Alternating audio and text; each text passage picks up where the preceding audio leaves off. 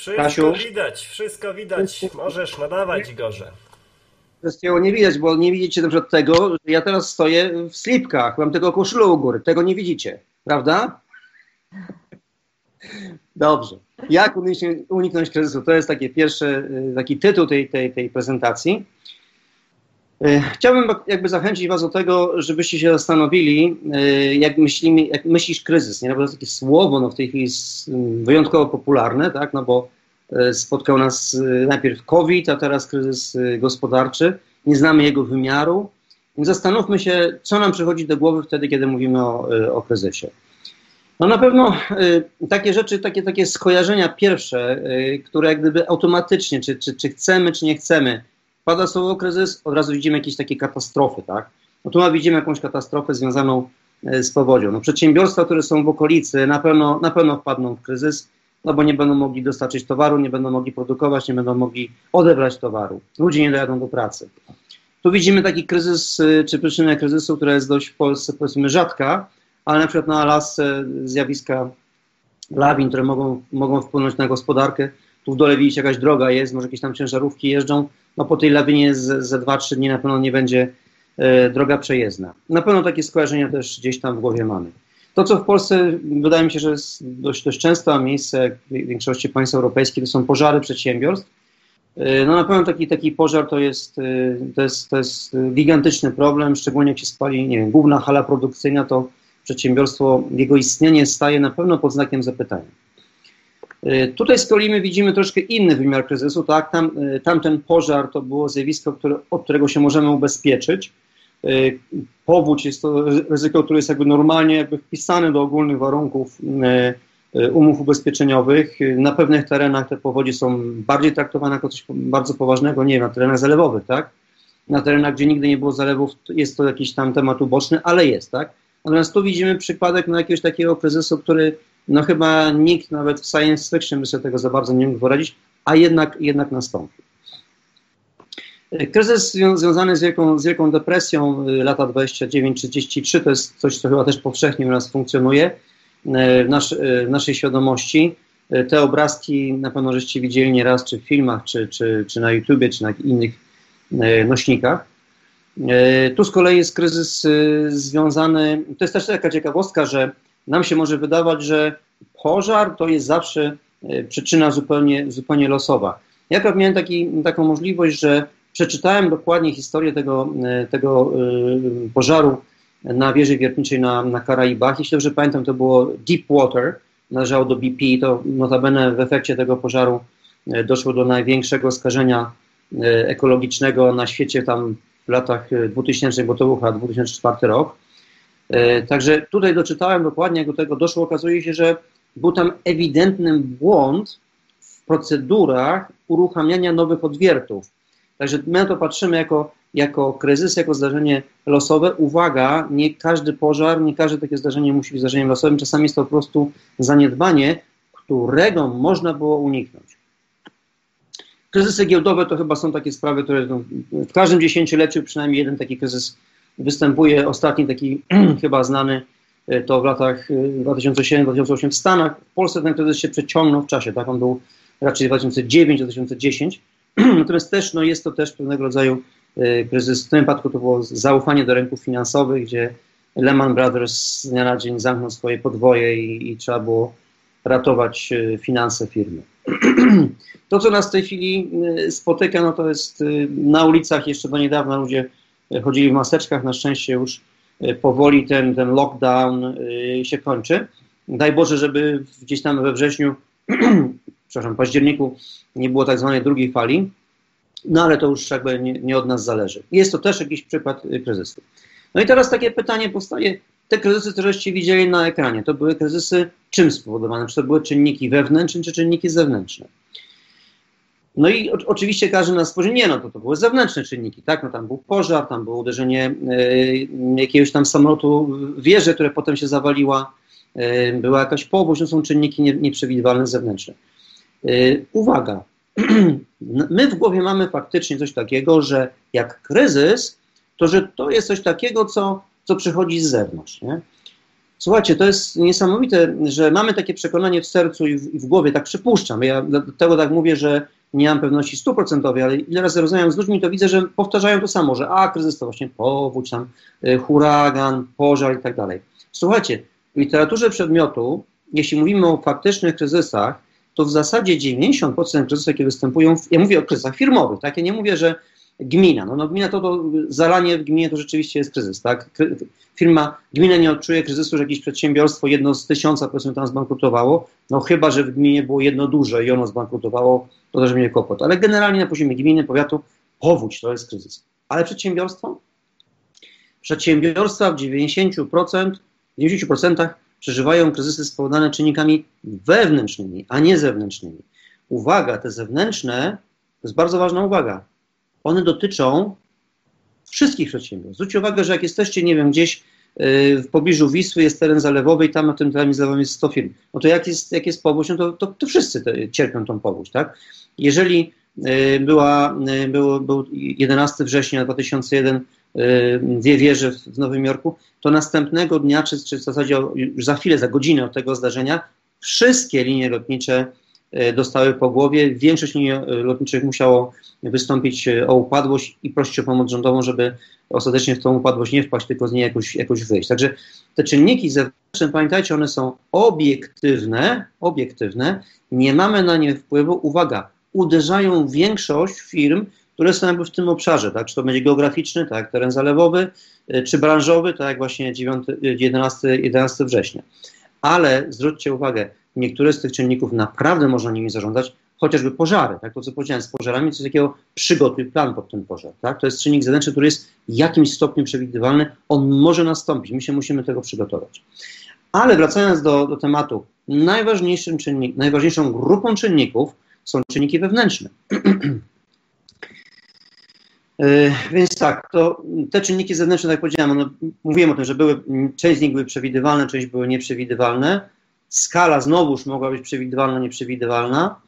E, no i możliwość uniknięcia. Chciałem, żebyście te wektory jakby zobaczyli, tak, że, że w przypadku, e, w przypadku zaistnienia no, 11 września no to przewidywalność bliska, bliska zera, natomiast w przypadku powodzi na, na Odrze, no, no raz na 10, raz na 20 lat jak Odra wylewa i mówienie, że ja jej nie wiedziałem, no to, no to, no to sorry, no to jest przewidywalne, tylko nie wiadomo kiedy, tak.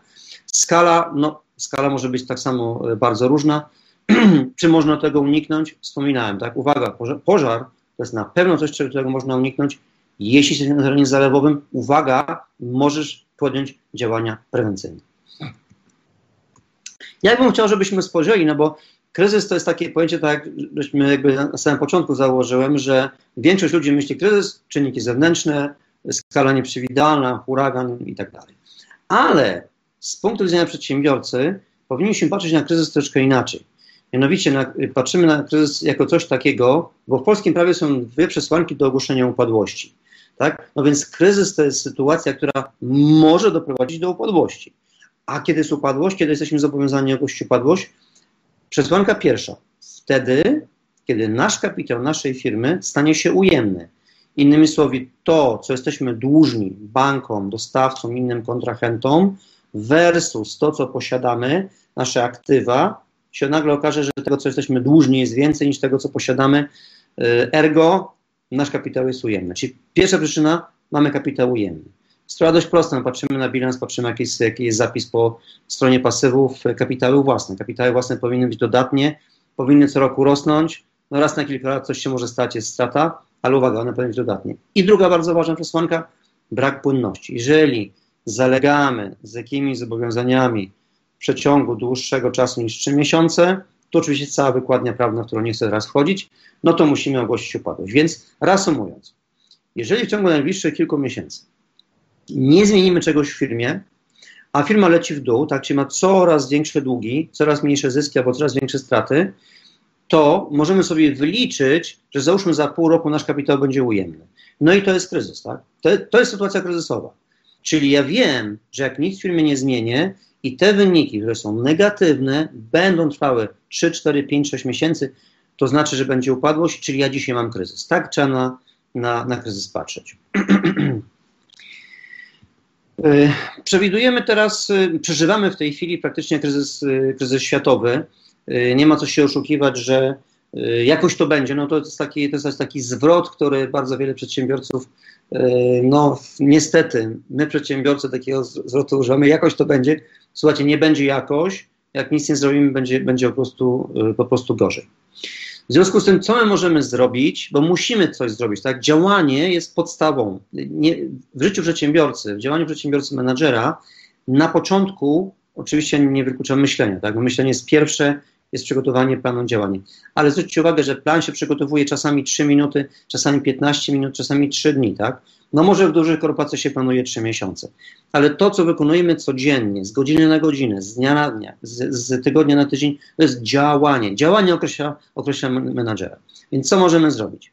Możemy przygotować plany. Plany działania kryzysowego.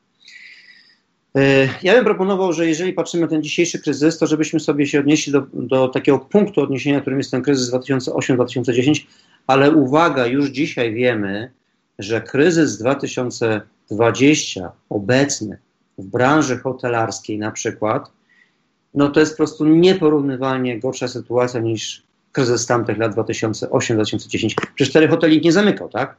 Nikt restauracji nie zamykał. Dzisiaj restauracje były zamknięte, tak? Przez prawie trzy miesiące te firmy nie, nie pobierały żadnej, nie miały żadnej sprzedaży. No chyba, że ktoś szybko wpadł i miał taką możliwość, żeby sprzedawać z dostawą. Ale hotele, no nie dostarczymy usługi hotelowej do, do klienta. To jest usługa, którą się konsumuje w miejscu, gdzie jest hotel. Nie? Także uwaga, patrzymy na bieżące wyniki, ale możemy się odnieść tak samo do, do jakiegoś kryzysu w historii. Załóżmy 2008-2010. E, zwróćmy uwagę, że w tym kryzysie na przykład piekarnie to prawie w ogóle nie zauważyły tego kryzysu. Tak? No oczywiście spadło jakieś tam e, spożycie mm, produktów wyrafinowanych, torty. No prawdopodobnie torty e, spadły dość, dość mocno, no ale mm, generalnie piekarnie są połączone z cukierniami co do zasady. W związku z tym piekarnia to, co nie sprzedała w formie tortów, na pewno sprzedała w formie chleba, chleba czy bułek. Więc takie na przykład branże, no mamy tą sytuację, w której nie ma tego, tego, tego ryzyka. To są branże, które spadają po 5-10%, no ale branża hotelarska, o której mówiłem, czy e, branża podróży e, turystycznych, no to jest po prostu coś, coś niesamowitego, co się stało w tych ostatnich miesiącach. No, ta branża właśnie usług turystycznych, no, musimy ją traktować jako branża produktów niekoniecznych, tak? Można się bez tego obyć, szczególnie wtedy, kiedy jest ciężki, ciężki kryzys. Co jest najważniejsze y, w, w kryzysie, albo w, y, znaczy w kryzysie z punktu widzenia przedsiębiorstwa, z punktu widzenia tego, czy możemy przetrwać? Tylko i wyłącznie pieniądz. Pieniądz jest, jest fundamentem. 80% przedsiębiorstw, które ogłaszają upadłość, zachowują zyski. Jakbyście zobaczyli bilanse, to jeśli spojrzeli na bilans zeszłego roku z, sprzed dwóch lat, czyli takie bliskie powiedzmy tego dnia y, wystąpienia o związkiem upadłość, to 80% firm spośród tych, które zawnioskowały upadłość, miały zyski. Więc nie, nie zyskowność czy jej brak ma wpływ na upadłość, tylko brak płynności. To jest absolutnie podstawowa przesłanka. W związku z tym, jak się mamy bronić? Co mamy zrobić, żeby e, nie wpaść w, w sytuację, w której musimy ogłosić upadłość?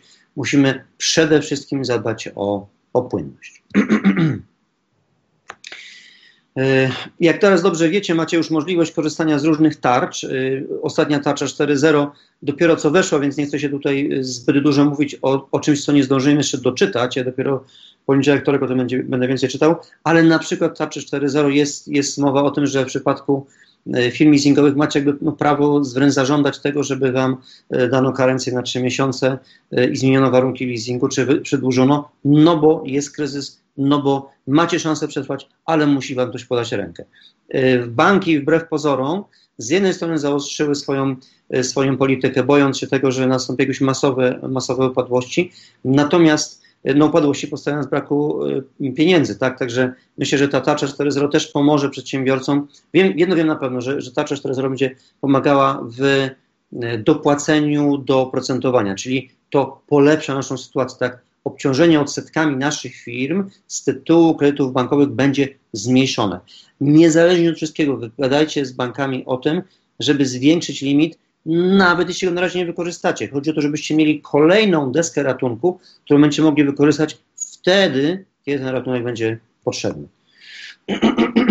o leasingu już dwa, dwa słowa powiedziałem. Jeśli chodzi o dzierżawę, aha, czy zastąpić na przykład umowę leasingu dzierżawą. To będzie w tej chwili trudne, jesteśmy jakby już w środku tego kryzysu, natomiast y, też, też Wam chcę zalecić, słuchajcie, gadajcie, negocjujcie, chodźcie do, do firm, chodźcie do, do firm leasingowych, do firm, y, do, do banków, negocjujcie. O dziwo możecie się naprawdę mocno zdziwić, że nagle traficie na jakąś taką sytuację, w której się okaże, że coś, co było niby niemożliwe, nam się w głowie wydawało, nie, nie, to niemożliwe, żeby bank mi podniósł limit. A pytałeś? Poszedłeś? Jak ci powiem trzy banki pod rząd, że nie, okej, okay, w porządku, sprawdziłeś, tak? Ale my jako menadżerowie mamy działać, mamy poszukiwać e, możliwości rozwiązania e, trudnej sytuacji. w przypadku dzierżawy lo lokali, no to co możemy, możemy e, zrobić, jeżeli my jesteśmy dzierżawcami, tak my potrzebujemy powierzchnię, no to możemy zawalczyć z, z dostawcą, żeby zmniejszyć powierzchnię, y, którą wynajmujemy, no bo spadła nam produkcja o 25% na przykład, tak, żebyśmy skrócili okres wypowiedzenia, że jakby nie daj Boże coś się stało, to żebyśmy nie musieli płacić przez rok czy pół roku, tylko żeśmy skrócili do, do trzech miesięcy. No i oczywiście w tej chwili dzierżawcy są, e, firmy, które oddają dzierżawę są znacznie bardziej elastyczne co do e, walki o, o cenę. Tak? Więc to mają świadomość, że, że jeżeli ten klient odejdzie, to drugi być może w ogóle nie przyjdzie przez najbliższe pół roku czy, czy rok. Warto to wykorzystać. Im mniej zapłacimy w odsetkach, im mniej zapłacimy w leasingu, im mniej zapłacimy w dzierżawach, tym więcej gotówki, która decyduje o płynności, zostanie u nas w firmie. Ja bym chciał, żebyście też zrozumieli, że jak ja mówię teraz o kosztach, to mówię o tych kosztach, które są wydatkami. Tak upraszczając sprawę, to generalnie tylko jest jeden koszt, który nie jest wydatkiem, to jest amortyzacja. Ale oczywiście wchodząc głębiej, na co teraz nie ma czasu, byśmy mogli znaleźć inne takie pozycje, które mogą wystąpić w formie kosztowej, a nie będą wydatkiem. To, co teraz mówię, jeśli mówię teraz słowo koszt, to mam na myśli ten koszt, który jest wydatkiem, czyli to, co Was boli, tak, gotówkowo. Zobaczycie wypływ z kasy, zobaczycie wypływ e, gotówki z konta. Więc to o tym, o tym mówię. To będzie im mniejsze koszty w rozumieniu wydatków, tym nasza płynność będzie, e, będzie lepsza. Uwaga, wchodzimy w okres, w którym ludzie mogą zacząć w niektórych branżach przestać sobie nawzajem płacić. No jeżeli jedna firma nie, nie, płaci, potem przychodzi druga, no to może być za chwilę efekt domina. Nie? Więc żeby przeciwko temu przeciwdziałać, ubezpieczajcie należności. Yy, są, są oczywiście takie grupy, grupy firm, gdzie no, żaden tego nie będzie chciał zrobić ubezpieczyciel, uzna tych, tych yy, biorców kredytu handlowego za mało wiarygodnych. No ale jeżeli takie firmy znane, które mają do tego narzędzia, żeby sprawdzić, wiarygodność ludzi, którzy udzielają, którzy mają nam zapłacić i oni twierdzą, że ten klient ich za bardzo nie przekonuje, to na jakiej podstawie my żeśmy im udzielili kredytu handlowego? I na jakiej podstawie my udzieliliśmy tej firmie kredytu handlowego? No więc uwaga, jeżeli będziecie teraz sprzedawać, uwaga na należności. Zastanówcie się, czy dany kontrahent nie jest przypadku jakiejś branży mocno dotkniętej, yy, jego, jaka jest jego wiarygodność. W ogóle bym proponował, żeby podzielić tych klientów właśnie na A, B, C, D, czyli A to są ci najbardziej wiarygodni spółki giełdowe, y, najlepiej jeszcze rządowe, które mają gwarancje y, państwowe, zapłaty macie, macie pewność 99,99, natomiast idąc w kierunku tym do litery D, no to D to są ci, którym zawsze za gotówkę, tylko za gotówkę i nigdy inaczej. Nie? To, to w ten sposób warto było sobie klientów podzielić, a, a B i C, no to po prostu ustalić, kto daje weksel, kto daje inne zabezpieczenie, wysokość tych kredytów, term, termin ich spłaty, zabezpieczenie. Naprawdę w tym czasie należy to zrobić, walcząc o swoją płynność. E, chciałbym też zachęcić wszystkich do tego, oczywiście z jednej strony państwo walczy o to i słusznie, tak, słusznie rząd wystąpił o to, że chce zawalczyć o to, żebyśmy my, przedsiębiorcy, nie zwalniali pracowników. Chwała im, to jest, to jest dobre myślenie, tak? Im więcej zwolnimy pracowników, tym mniej ludzie otrzymają pieniędzy. Im mniej otrzymają pieniędzy, tym mniej wydają na produkty, które my będziemy potem chcieli kupić, tak? Od, od naszych firm będą e, chcieli kupić.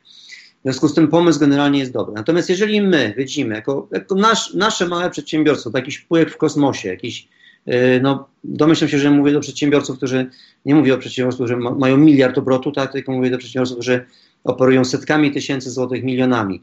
Więc to, jeżeli jest nawet firma, która ma, nie wiem, 10 milionów obrotów, wciąż jesteśmy pyłkiem w kosmosie, jesteśmy jakimś tam małym, małą plamką na mapie gospodarczej państwa. W związku z tym, jeżeli my w naszym cashflow widzimy nie damy rady utrzymać wszystkich pracowników, nie damy rady nawet po zmniejszeniu o 25% ich pensji, y, to po prostu musimy podjąć decyzję o, o innych rozwiązaniach. Więc są wcześniejsze emerytury, y, są urlopy bezpłatne. Zwolnienie oczywiście z ostatecznością, ale do czego zachęcam? Zacznijcie rozmawiać. Y, taką skrajną daną jeszcze przed, skrajnym rozwiązaniem jeszcze przed zwolnieniem jest rozmowa o tym, jakie jest minimum socjalne. Być może traficie na chłopaka, który akurat skończył studia, mieszka u rodziców i jemu wystarczy 1600 zł, bo on potrzebuje tylko tyle, co na, na własne utrzymanie, tak? Mamy 400 na, na jedzenie i, i to mu wystarczy. I się okaże, że on powie, dobra, słuchaj, do, do ciebie, do szefa powie, dobra, słuchaj, ja przez 3 miesiące wytrzymam na 1600 zł. Ja teraz strzelam, proszę nie wierzcie mnie za słowo. Ale przyjdzie drugi, powie, stary, ja mam trójkę dzieci, i spłacam kredyt za mieszkanie, ja poniżej 4,5 tysiąca net, to nie jestem w stanie w ogóle rozmawiać. Jak mi zabierzesz, to po prostu wpadam w strasznie trudną sytuację. Nie? Oczywiście tam w banku zapisuję karencję na 3 miesiące i może przez 3 miesiące nie będzie płacił y, części kredytu, ale takie rzeczy wyjdą tylko i wyłącznie w szczerej rozmowie, gdzie ja jako przedsiębiorca mówię, słuchaj, jeśli nie zmienię twojej pensji, nie zmienię twoich kolegów pensji, to jej mi grozi bankructwo, musimy znaleźć jakieś rozwiązanie, to wtedy druga strona, jeśli jest, ta, jest to zaufanie, jest ta szczera, otwarta komunikacja, to daje szansę na to, żebyśmy w końcu znaleźli rozwiązanie, trudne rozwiązanie, ale rozwiązanie win-win. Obie strony wiedzą, że jest ciężko, obie strony są, nie są z tym szczęśliwe, ale wiedzą, że znaleźli najlepsze rozwiązanie, jakie było możliwe w danej sytuacji. Zachęcam do, do rozmowy z ludźmi. Ja tu sobie muszę przesunąć ten obrazek, bo mi tutaj za... Dobrze. No i teraz przechodzimy do tego, co, co, co zrobić, żeby wygrać z konkurencją. Słuchajcie, jeżeli wasz udział w rynku, a z większością firm, które pracuję, e, to są firmy, które mają pół procenta udziału w rynku. Ostatnio spotkałem jedną firmę, która miała około 10% w rynku.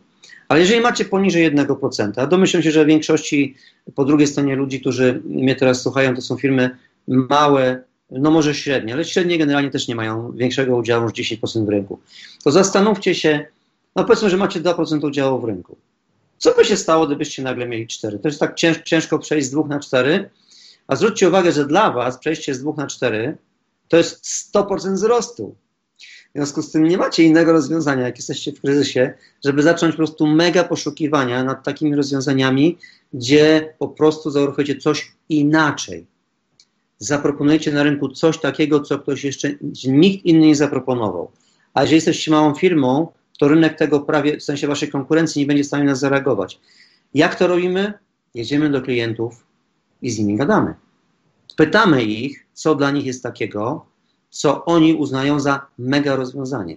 W zasadzie bardzo mało z takich branż, w których ja za biurkiem coś wymyślę, tak, i wymyślę coś genialnego. No nie wiem, Steve Jobs, nie wiem, czy on jeździł do klientów, się pytał, żeby sobie wyobrazili iPhone'a, tak, no nie wiem, być może to on właśnie wymyślił tego iPhone'a sam, y, obserwując rynek, w którym kierunku ludzie idą. Ale większość usług, większość produktów, które są coraz bardziej doskonałe, one się rozwijają w bezpośredniej komunikacji z klientem. Co zrobił Gerstner? To był taki gość, który naprawiał IBM-a. Największa największy turnaround, to jest słowo używane przez w języku angielskim do zarządzania kryzysowego, największy turnaround w historii świata. Naprawa IBM. A co zrobił, co, jak spędził pierwszy, pierwszy tydzień Gerstner?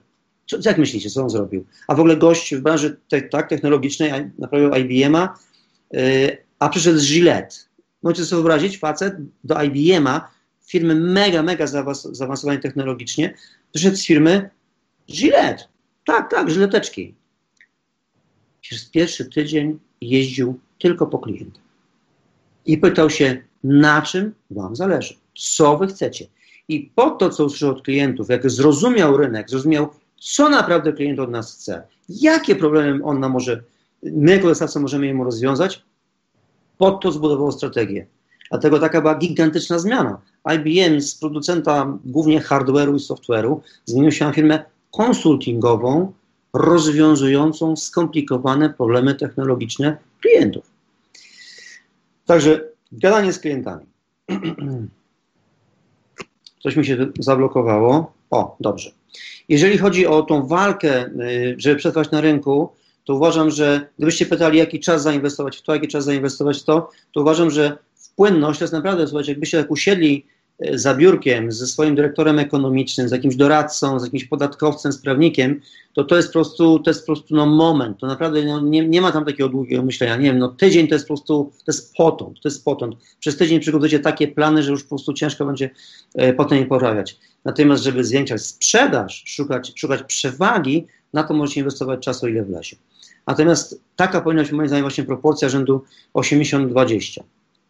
Oczywiście w pierwszej kolejności damy płynność rozumieniu wydatków, kosztów, bo większość wydatków czy kosztów jesteśmy w stanie prawie że tak załatwić. Tak? Niektóre koszty można obciąć w ciągu tego samego dnia, w którym podejmiecie decyzję. Niektóre wypowiedzenie trwały miesiąc, niektóre będą trwały trzy miesiące wypowiedzenia, czy jakieś zmiany umów, tak? Niektóre rok, a to bardzo rzadko, tak? Ale w większości wszystko, co chcecie obciąć w kosztach, prawdopodobnie możecie zrobić w tym miesiącu, w którym podejmiecie decyzję. Dlatego trzeba to robić szybko, tak? Natomiast sprzedaż, jak dobrze wiecie, no chyba, że prowadzisz kiosk, tak? No to do kiosku wchodzisz nowy, nowy tygodnik, tak? I nagle będziesz go sprzedawał. Ale jeżeli kiosku nie prowadzisz, prowadzisz jakąś produkcję, jakieś usługi skomplikowane dla przemysłu, no to tego nie zwiększy sprzedaży z minuty na minutę, tak? W związku z tym w to trzeba zaangażować masę siły i, i w tym kierunku pójść. E, tego tematu nie chcę, nie chcę mówić, bo to jest po prostu duży, duży oddzielny dział, żeby się przygotować do kryzysu, który jest spowodowany tymi działaniami, które nam się normalnie wyobrażają jako przyczyny kryzysu, czyli te e, czynniki zewnętrzne, no to to po prostu przygotowuje się, tak, jest jakby cały program zarządzania ryzykiem i zarządzania ciągłością działania, tak by się przeplata tak, to, to oba, oba zagadnienia. To robią wszystkim duże firmy, elektrownie, zakłady energetyczne, polskie sieci energetyczne. Na pewno takie plany ma Orlen, Lotos, wszystkie te firmy, które po prostu są, e, pracują w ruchu ciągłym. Tam po prostu nie, tam każde ryzyko trzeba przewidzieć, przewidzieć, jak może nastąpić, jaka będzie skala tego ryzyka, jakie mamy działania prewencyjne i tak dalej. W naszych mniejszych firmach to nie jest tak krytyczne, ale pamiętajmy o tym, że takie zagadnienie istnieje i nie można tego przespać. E, chciałbym, żebyście na początku wam dałem taką definicję y, kryzysu z punktu widzenia sytuacji, w której naprawdę za chwilę coś się zacznie takiego dziać, że będzie nieodwracalne i że po prostu trzeba będzie, pozostając w zgodzie z prawem, wystąpić o upadłość. Nie? Ale jeżeli chcecie myśleć takimi kategoriami, żebyście ten kryzys naprawdę z daleka go widzieli, żebyście unikali już pierwszych symptomów kryzysu, to spójrzcie na kryzys tak, jak tu jest napisane. Czyli porównujcie się, porównujcie się bardzo często ze swoją konkurencją. Patrzcie, co się dzieje w waszej branży. Bo jeżeli wy widzicie, że jesteście powiedzmy w branży na takim poziomie, powiedzmy, że to jest zwrot kapitału zainwestowanego, a widzicie, że konkurent A jest tutaj, a konkurent B jest tutaj, a konkurencja jest tutaj i wy ciągle jesteście poniżej, no to na Boga, no to za, za parę miesięcy, jeżeli wy macie zwrot kapitału znacznie gorszy niż wasi konkurenci, to coś robicie źle. Będziecie musieli mieć wyższe za, y, na, na gotówkę, w związku z tym wyższy kredyt, w związku z tym wyższe odsetki. Monitorujcie te sprawy, róbcie ciągły benchmarking. Benchmarking, przepraszam za słowo, to jest nic innego jak porównywanie się z innymi według z góry przyjętego planu, co porównujemy. Tak, porównujemy sprzedaż na głowę, porównujemy marże na produkcję, e, porównujemy właśnie zadłużenie stosunku kapitału własnego i tak dalej, i tak dalej. Jak tak będziecie robić, będziecie robić to mądrze w sensie regularności, no to trudno, żebyście wpadli w jakiś głęboki kryzys. No nie mówię o pożarze, tak, no pożar, czy powiedzmy upadek yy, samolotu na waszą, naszą, naszą działkę. Prawdopodobieństwo bliskie zera, no ale jak się stanie to...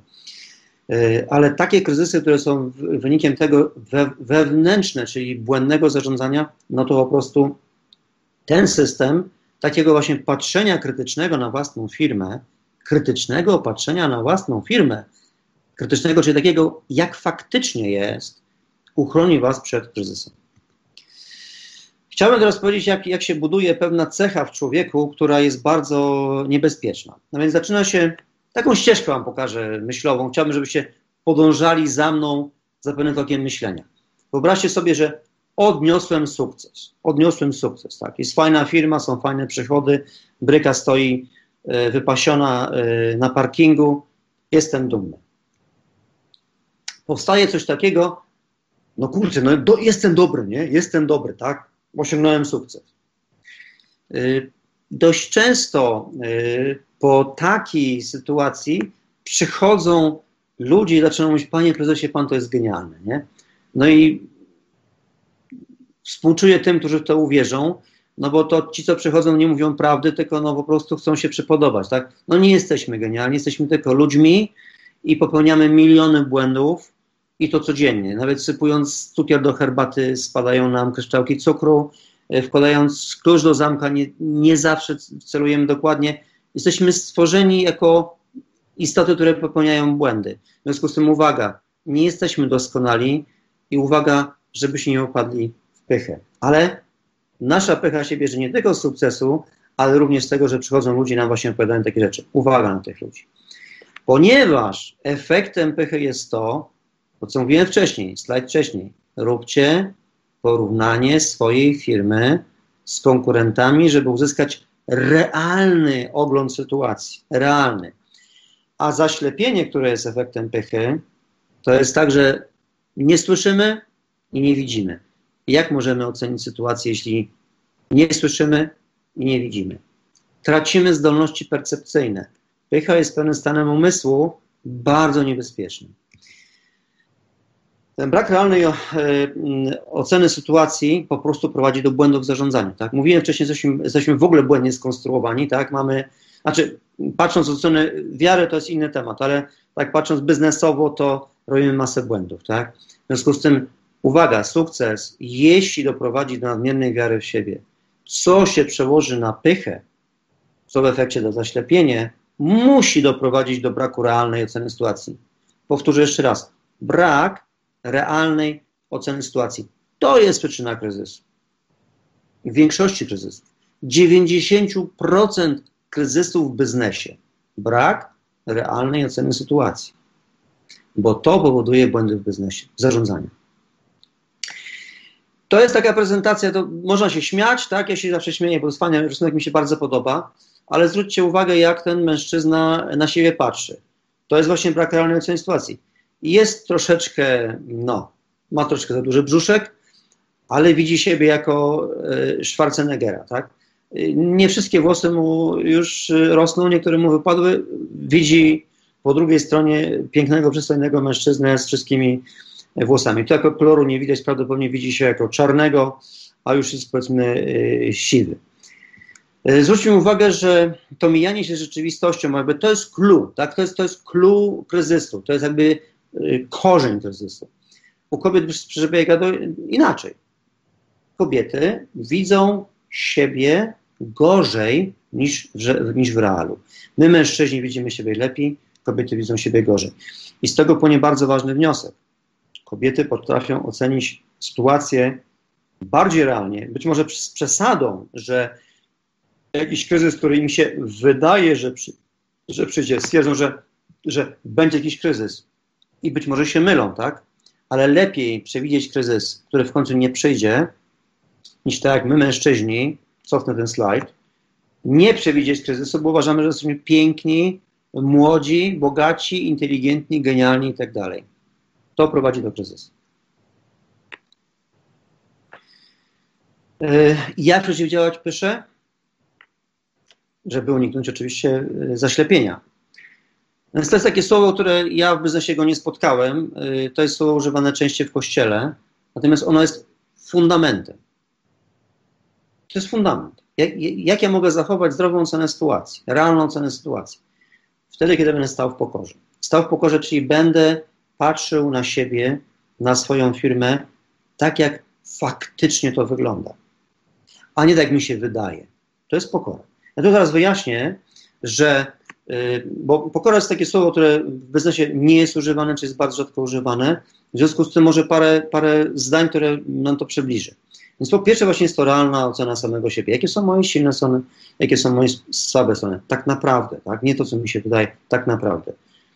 Co to jest realna, jaka jest rzeczywiście, jaka jest rzeczywistość na zewnątrz, ta prawdziwa, nie ta, co się dzieje na tym zdjęciu, gdzie na tym, na tym slajdzie, gdzie mężczyzna patrzy w lustro i widzi zupełnie co innego, to był przykład właśnie braku realnej oceny rzeczywistości. Mówi się inaczej o tym, że pokora to jest stąpanie po ziemi. Tak? Myślimy pięć lat w przód, chwała nam, tak powinno być, ale dzisiaj musimy zapłacić e, rachunki za prąd, za wodę, pensję, dzisiaj. Nie? No więc to jest to realne, to jest to realne e, patrzenie i w przód, ale widzenie dzisiaj naszych obecnych przeszkód. E, żeby ocenić realnie rzeczywistość, czyli być pokornym, trzeba patrzeć na innych ludzi, dając, mu takie, dając im takie same szanse, jak i samemu sobie. Czyli musimy widzieć innych ludzi jako absolutnie takich samych jak my, w tym sensie o tych samych prawach. Nie? My nie jesteśmy w niczym lepsi, nie jesteśmy w niczym gorsi, ale ci, co nas otaczają, to są nasi bracia i siostry, to są, to są ludzie, z którymi po prostu musimy współpracować. Oni są tacy sami jak my. Tak? Czyli nie wywyższamy się, nie poniżamy się. To jest taki przykład, który nie, nie jestem zupełnie szczęśliwy z tych zdjęć, natomiast myślę, że zdjęcie, zdjęcie po lewej jest w miarę udane, czyli ten z mojej lewej, czyli ten brak wiary w siebie, człowiek załamany, zastanawiający się, co, co robić. I to jakby jest, to jest jakby po lewej stronie od pokory, ponieważ to jest gość, który uwierzył w jakąś złą informację typu jesteś do niczego, niczego się nie nadajesz, nic ci nie wychodzi, cokolwiek się zabierzesz jest do bani. Kłamstwo. To nie jest prawda, tak? To nie jest pokora. To jest fałszywa pokora. Bo skranie prawej mojej jest pycha, tak? Gość, który po prostu widzi w lusterku właśnie tego, tego Schwarzeneggera, de facto jest albo chudy, albo gruby, albo zupełnie do obrazu nie pasuje, to jest zwodnicze to jest tak samo złe, tak samo źle zwodnicze, jak brak wiary w siebie, jak taki, taki właśnie ta fałszywa pokora. To, co jest piękne, to, co daje nam pełnię człowieczeństwa, a pełnia człowieczeństwa może się spełnić i jako pracownik, i jako menadżer, i jako właściciel, i jako prezes, tak? To jest właśnie, to jest bycie pokornym, czyli rzeczywista, realna ocena rzeczywistości siebie i mojej firmy, rynku, konkurentów, wszystkiego, co nas otacza w biznesie. E, co robić, żeby, żeby zachować. Czy ja z czasem dobrze stoję? Kasiu, jakie tam, jak tam stoisz czasem? Halo, halo. Jestem, jestem cały czas. Jakie stoisz czasem? Mamy 14.45, powolutku musimy kończyć. Dobra, czyli lądujemy. E, czyli lądujemy. Także e, o tych wszystkich sprawach będę mówił podczas, podczas wykładów. Podczas wykładów przede wszystkim, może, może źle powiedziałem, ja nie prowadzę w sumie wykładów. E, teraz mam taką sytuację, że mamy takie narzędzie, że ja muszę gadać, ja nie wiem, czy wy mogę słuchacie. Dziękuję, jak mnie słuchacie, ufam, że mnie słuchacie. Natomiast sytuacja związana z tą technologią jest taka, że ja nie widzę waszych twarzy, w związku z tym sam się muszę zastanawiać, jakie tam piękne dziewczyny siedzą, jacy fani młodzieńcy siedzą. Mam nadzieję, że, że wszyscy po drugiej stronie jesteście uśmiechnięci i muszę jakby sam siebie napędzać, żeby do was mówić no tak e, energetycznie, z, z jajem, z wigorem, nie? Natomiast ja prowadzę nie wykłady, tylko prowadzę zajęcia, warsztaty. Wpadam na salę i wam po paru slajdach wam daję pierwszy case i mówię rozwiążcie ten case. Case'y są realne z mojego życia, tak? To są firmy, które ja naprawiałem, gdzie ja tych ludzi jeszcze pamiętam do dzisiaj, czasem jeszcze do nich dzwonię, mailujemy, jesteśmy w kontakcie, wiem, co tam się dzieje w tych firmach. Daję wam case, wy ten case rozwalacie i zaraz jest feedback i mówicie, Igor, ja bym zrobił to, Igor, ja bym zrobił to, ja bym zrobił, ja mówię, super, mega, a co byś ty zrobił? No i zasadzie w tej interakcji jest po prostu, takie są fantastyczne rozwiązania. Ja wam powiem, że w ogóle prowadzę te wykłady już łącznie kilkanaście lat. Słuchajcie, każda grupa jest inna i to jest niesamowite, że czasami ludzie wpadają na pomysły, teraz, dzisiaj, które jeszcze 14 lat temu nikt to nie wpadł. Także to jest też dla mnie kapitalna nauka. Że to, co ja robię na, na, na zajęciach, to mówię o tym temacie. Temat wam pokazałem, tak? Pokazałem wam w różnych wymiarach. Także to jest ten wymiar twardy biznesowy, cashflow, policz cashflow, to jest twój fundament, tak? Ale z drugiej strony stary, no, słuchaj, no, twoja pycha, jeżeli taka jest, to, to musisz to ogarnąć, nie? Jak tego nie ogarniesz, to możesz ten cashflow liczyć w trupa i to ci nic nie pomoże, bo będziesz się sam oszukiwał. Samo oszukiwanie, samo oszukiwanie, czyli efekt właśnie pychy prowadzi do kryzysu. Więc to są moje zajęcia. Ja podczas zajęć y, jednodniowych, 8 godzinnych daję trzy case'y, od tak, stopniuję od takiego prostego poprzez średnia, że takiego mega skomplikowanego, gdzie ludziom y, czaszki parują od ilości danych, ale słuchajcie, to jest po prostu coś niesamowitego, że wychodzi z zajęć i jak potem już usłyszycie zarządzanie kryzysowe, to mówicie, aha, aha, to o to chodzi. Także to było na tyle z mojej strony z tego wykładu, bo chyba już nie zdążę więcej słuchać innych, nawet gdy się nam wydaje, że mówią niezbyt mądrze. Słuchajcie ludzi, słuchajcie ludzi, czasami to wy jesteście w złym miejscu, źle myślicie. Nie wywyższać się, już wspominałem. E, no właśnie, słuchajcie szczególnie osób, które są, które od was są nieuzależnione. Bo jak słuchacie te, które są od was uzależnione, no to one często mówią to, co chcecie, żeby powiedziały. Ale słuchajcie, tych osób, dla których ci wam powiedzą, przepraszam za określenie, jesteś głupy, głupi, opowiadasz zupełne bzdury, to są myśli po prostu bezsensowne. Poją tak pracownik? Wasz pracownik tak wam powie? Nie poją. Ale spytajcie swojej żony, może będzie bardziej odważna i powie, Krzysiu, co ty, co ty opowiadasz? To jest po prostu bez sensu, nie? Słuchajcie różnych ludzi o różnych perspektywach. E, no, każdą dużą decyzję trzeba e, głęboko rozważyć. O benchmarkingu już nie zdążę. E, no, dobra. Taka namiastka No. dzisiaj w zajawkach. O, dobra kawa. Tor. Tak, o tak, to zdecydowanie. Igorze, ja Ci bardzo, bardzo dziękuję tutaj w imieniu wszystkich osób, które też e, nas oglądają. E, ja pamiętam Twoje wystąpienie stacjonarne u nas na seminarium, to było zaraz przed tą e, pandemią w zasadzie, ostatnie nasze spotkanie.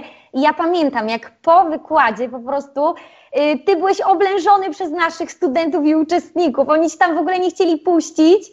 I jeszcze po, po Twoim wystąpieniu tam trwały dyskusje i pytania były zadawane, więc, więc tutaj tego na pewno brakuje, ale kochani, jak macie y, tutaj mało jeszcze, y, na pewno Igor no, w zupełności nie wyczerpał tematu.